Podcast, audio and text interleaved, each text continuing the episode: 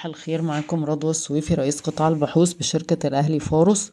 خلونا نبتدي بأخبار آه الاقتصاد الكلي. ارتفع معدل التضخم الأساسي لخمسة وسبعة وتسعين من مية في المية على أساس سنوي في ديسمبر مقارنة بخمسة وتمانية من عشرة في المية في نوفمبر.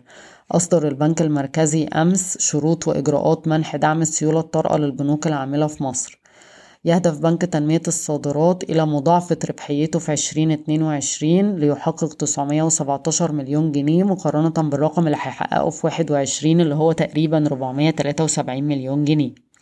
كشفت الهيئة العامة للرقابة المالية عن أرقام مجمعة لنشاط التمويل غير المصرفي وكلها فيها ارتفاعات عالية جدا. أقساط التأمين ارتفعت 30% تقريبا.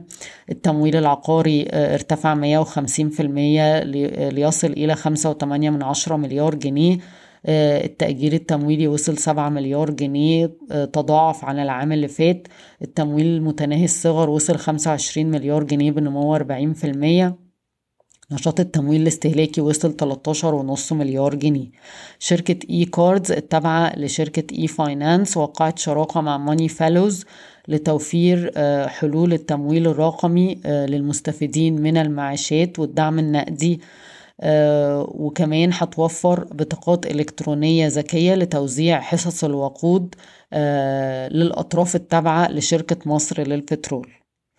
آه زاد زادت محطات الكهرباء اعتمادها على المازوت في إنتاج الكهرباء ست مرات أكتر من السنة اللي فاتت وده له تأثير إيجابي على شركة أموك اللي هي أصلا بتورد المازوت لمحطات إنتاج الكهرباء. Palm Hills بتخطط لإصدار صكوك بقيمة 3 مليار جنيه في الربع الأول من 2022 و Contact Holding هي اللي هت هتدير هذا الإصدار.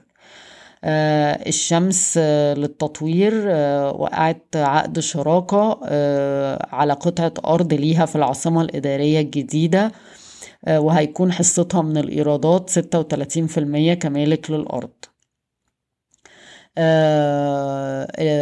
زادت عدد الحجوزات من السياح في المملكة المتحدة إلى مصر بعد تخفيف المتطلبات الخاصة باختبار كوفيد 19 النهاردة التلات بفكركم ببعض أسعار السلع الأساسية برنت وصل 82 دولار للبرميل مؤشر اليوريا نزل خمسة في المية وسجل 845 دولار للطن. أسعار البولي إيثيلين انخفضت واحد في المية عند ألف ميتين وتلاتين دولار.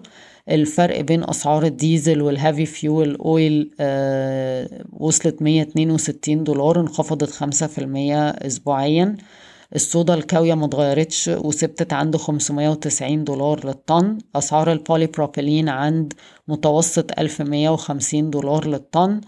الفرق بين أسعار الحديد وأسعار خام الحديد تقريبا عند 395 دولار للطن ودي زادت واحد في المية أسبوعيا. الألومنيوم ارتفع اتنين في المية ليصل إلى ألفين تسعمية وستة دولار للطن. أسعار الفحم الحراري لسه مرتفع عند مية ستة وتمانين دولار للطن. بشكركم ويوم سعيد.